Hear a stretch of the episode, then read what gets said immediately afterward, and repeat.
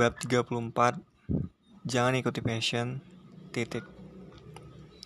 Jangan percaya ketika mereka bilang Kejar mimpimu, ikuti passionmu. I've been there and it was kind like A trap. Ya, ucapan itu jebakan.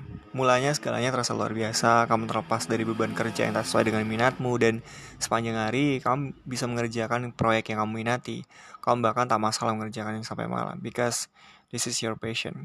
Namun keserangan ini hanya akan bertahan setahun pertama atau mungkin beberapa bulan saja. Karena sisa waktunya kamu akan merasa kejenuhan yang luar biasa. Rasanya seperti tinggal di dalam sebuah gelembung, lalu gelembung itu membesar, membesar, lalu meledak. Dan kamu kehilangan arah. Kok gini-gini terus ya kerjaannya? Jadi kayak nggak berkembang kalau gini-gini aja. Aduh, buntu ide banget. Harus ngapain lagi ya? Kok udah nggak gairah ya? Apa jangan-jangan ini bukan passion gue? Terus gue harus ngapain lagi? Aku berbicara berdasarkan pengalamanku sendiri. Aku sangat menyukai membaca dan menulis, dan aku pernah menjadikan menulis sebagai pekerjaan utamaku. Satu-satunya. Aku pikir passion saja cukup. Sayangnya tidak. Aku mengalami kejenuhan beberapa bulan kemudian, sampai-sampai aku tak lagi bisa menulis. Sampai-sampai aku mempertanyakan kemampuan menulisku. Waktu saja aku melakukan refreshing, tapi kembali duduk di bangku kerja aku selalu mencemaskan. Kalau ini memang passionku, kenapa aku harus merasa seperti ini? Mungkin bukan ini passionku.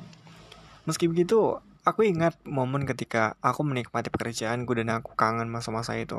Setelah mengalami kebosanan luar biasa itu, aku mencari kegiatan lain dan menemukan pekerjaan baru. Tahun pertama selalu menjadi tahun-tahun yang membuatku merasa seperti, nah ini dia. Namun tahun kedua, tahun ketiga, kehilangan semangat.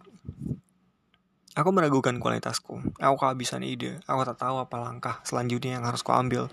Aku bingung mengapa aku harus merasakan kebosanan ini lagi. Aku lelah selelah-lelahnya, terasa seperti terjebak di lautan lepas, lalu gelombang mengempas dan aku tenggelam. Namun saat aku tenggelam seperti itu, di saat itulah aku baru bisa melihat laut secara jernih. Bahwa ya sepertinya semuanya begitu. Akan selalu ada kebosanan. Semuanya ada kebosanan.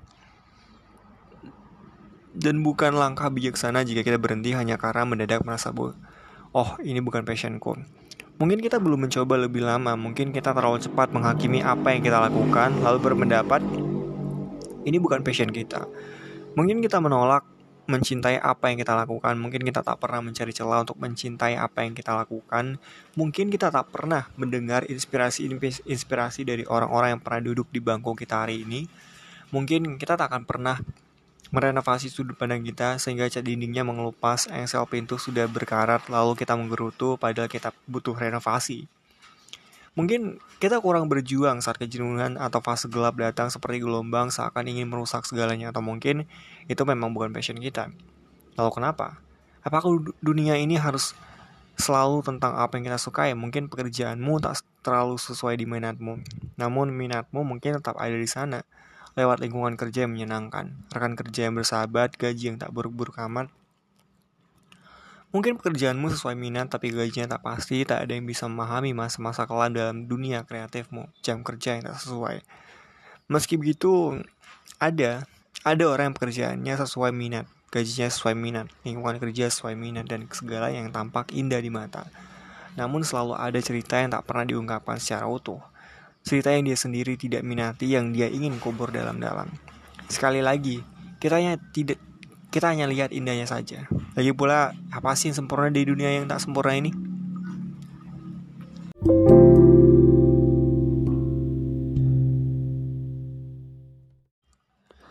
Bab 35 Aku cuma ingin hidup tenang. Mereka sudah sukses dan aku masih jauh dari itu. Rasanya semakin hari semakin jauh dari kesuksesan.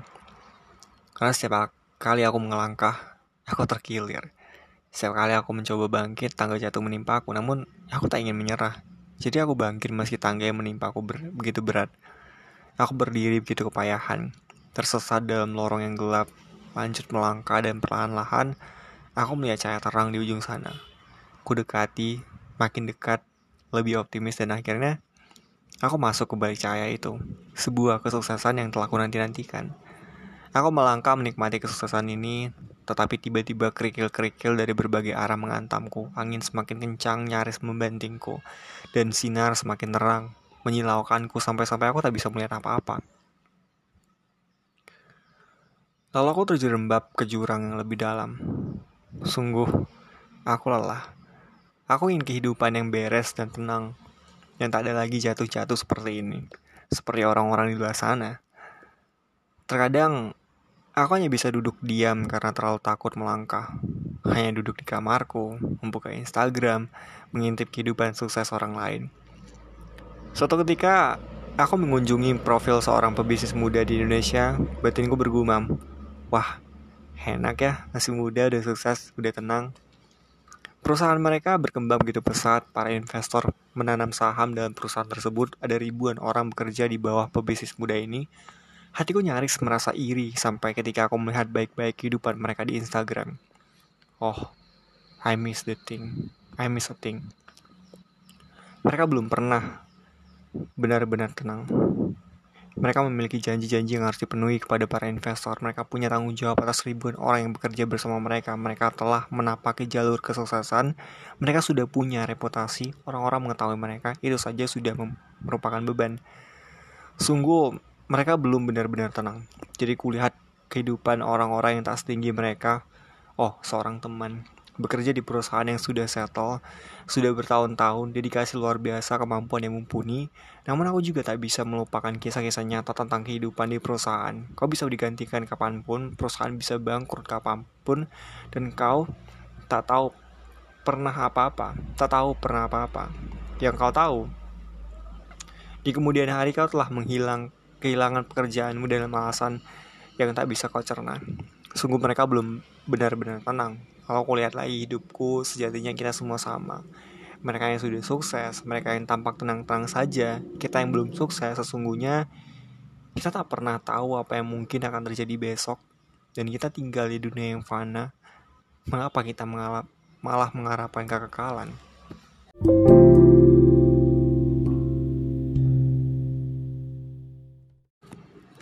Bab 36 Aku tak mau kamu berpikir banyak hal di halaman ini Selain bernafas yang dalam Lalu pejamkan matamu. Ingat-ingat doa-doamu yang terkabulkan Bahkan doa-doa yang tampak mustahil dulunya Namun terkabulkan juga. Beberapa hal bahkan terjadi lebih baik Melampaui ekspektasimu. Bukankah itu luar biasa? Hidup itu susah tapi kita masih punya doa. Dan sungguh, Allah senantiasa memperkenalkan doa-doa hambanya dengan cara yang paling baik. Percayalah.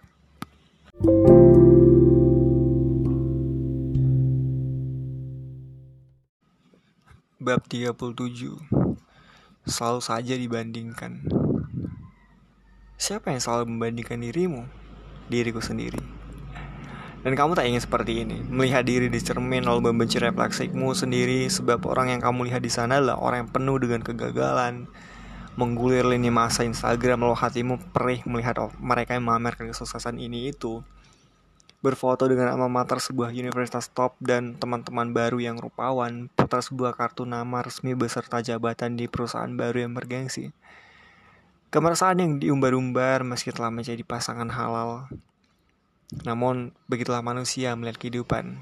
Kita menjadikan hidup ini sebagai ajang berbangga-bangga tentang apa yang kita miliki.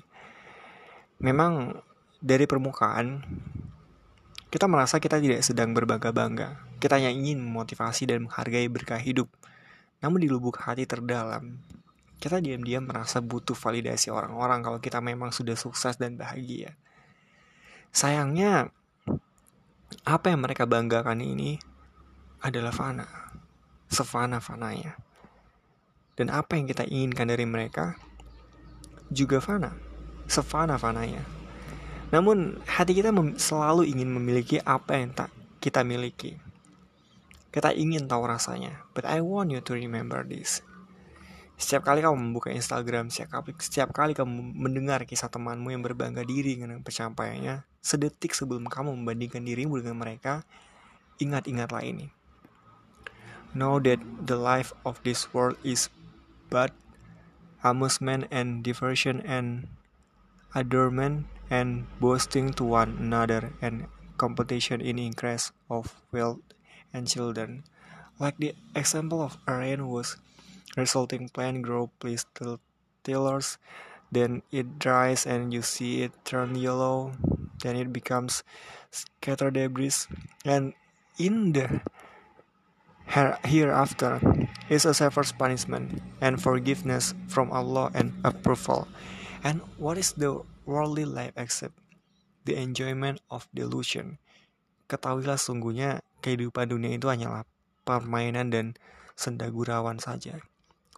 Perhiasan dan saling berbangga di antara kamu serta berlomba dalam kekayaan dan anak keturunan. Seperti hujan yang tanam-tanamannya mengagumkan para petani, kemudian tanaman itu menjadi kering, dan kamu melihat warnanya menjadi kuning, kemudian menjadi hancur. Dan di akhirat nanti ada azab yang keras dan ampunan dari Allah serta keridoannya. Dan kehidupan dunia tidak lain hanyalah kesenangan yang palsu. Quran Surat Al-Hadid ayat 20 And what is the worldly life except the enjoyment of delusion? The enjoyment of delusion, kesenangan yang palsu.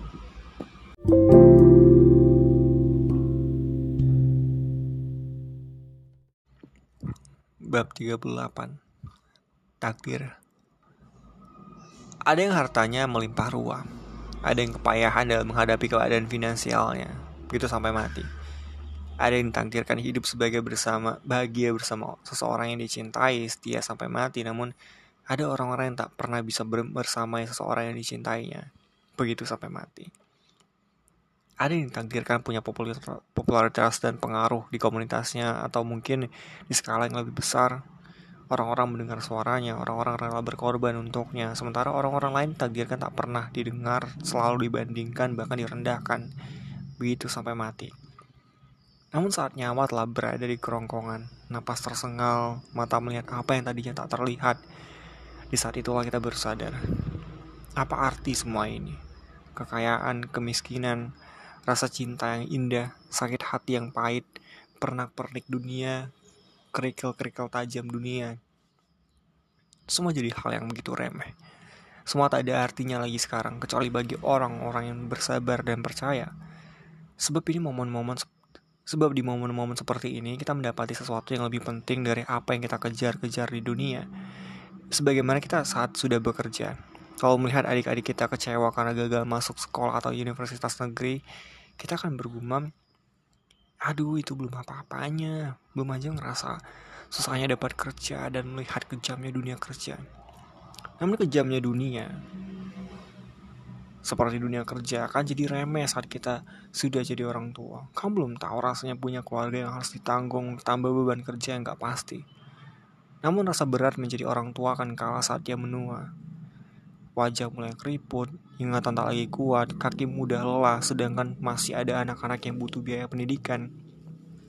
Dan begitu juga saat kita mati nanti. Segalanya jadi remeh. Segalanya jadi terasa begitu cepat. Sebab setelah kematian ini, ada perjalanan baru dan misterius, serta kebenaran yang terungkap, kenikmatan yang kekal, atau kesengsaraan yang kekal atau kesengsaraan beberapa saat yang lebih berat dari kesengsaraan dunia sampai diri bersih baru mendapatkan kenikmatan yang kekal.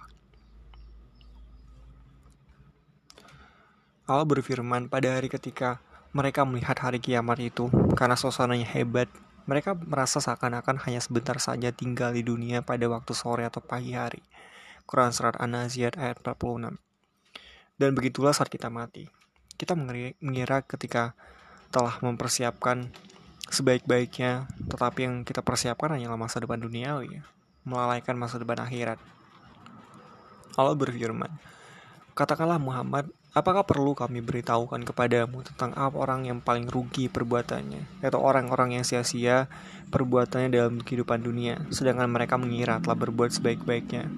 Quran Surat Al-Kahfi, ayat 103 104. Dan begitulah saat kita mati, kita akan mengingat amalan-amalan yang telah kita lewatkan dengan sengaja tentang keadaan orang-orang yang berdosa, apa yang menyebabkan kamu masuk ke dalam neraka sakor. Mereka menjawab, dahulu kami tidak termasuk orang-orang yang melaksanakan sholat. Quran Surat Al-Mudasir ayat 43. Dan begitulah saat kita mati, kita berharap kita mengulang waktu memperbaiki apa yang seharusnya kita lakukan dan tidak kita lakukan. Dan alangkah ngerinya jika sekiranya kamu melihat ketika orang-orang berdosa itu menundukkan kepalanya di hadapan robnya.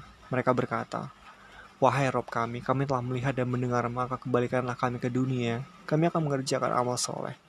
Sesungguhnya kami adalah orang-orang yakin. Quran Surat As-Sajadah ayat 12. Namun hari ini kita masih diberi kesempatan bernapas untuk memperbaiki segalanya, masa depan dunia, dan yang terpenting, masa depan akhirat yang kekal abadi.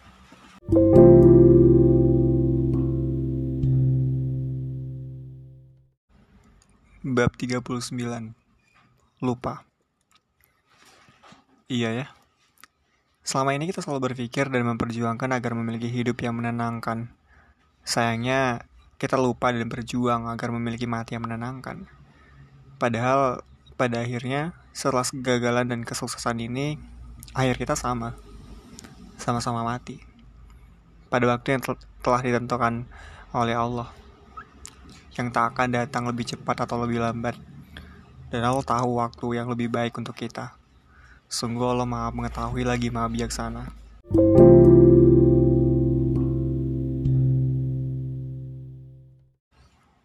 Bab 40 Penenang hati Walau berfirman, katakanlah, wahai hamba-hambaku yang melampaui batas terhadap diri mereka sendiri, janganlah kamu berputus asa dari rahmat Allah. Sesungguhnya, Allah mengampuni dosa-dosa semuanya, sungguh dialah yang maha pengampun, maha penyayang. Quran Surat Az-Zumar ayat 53 Allah berfirman, mengapa mereka tidak bertaubat kepada Allah dan memohon ampunan kepadanya. Allah maha pengampun, maha penyayang. Quran Surat Al-Maidah ayat 74. Dan mudah-mudahan telah kita akan mendengar ini untuk kita.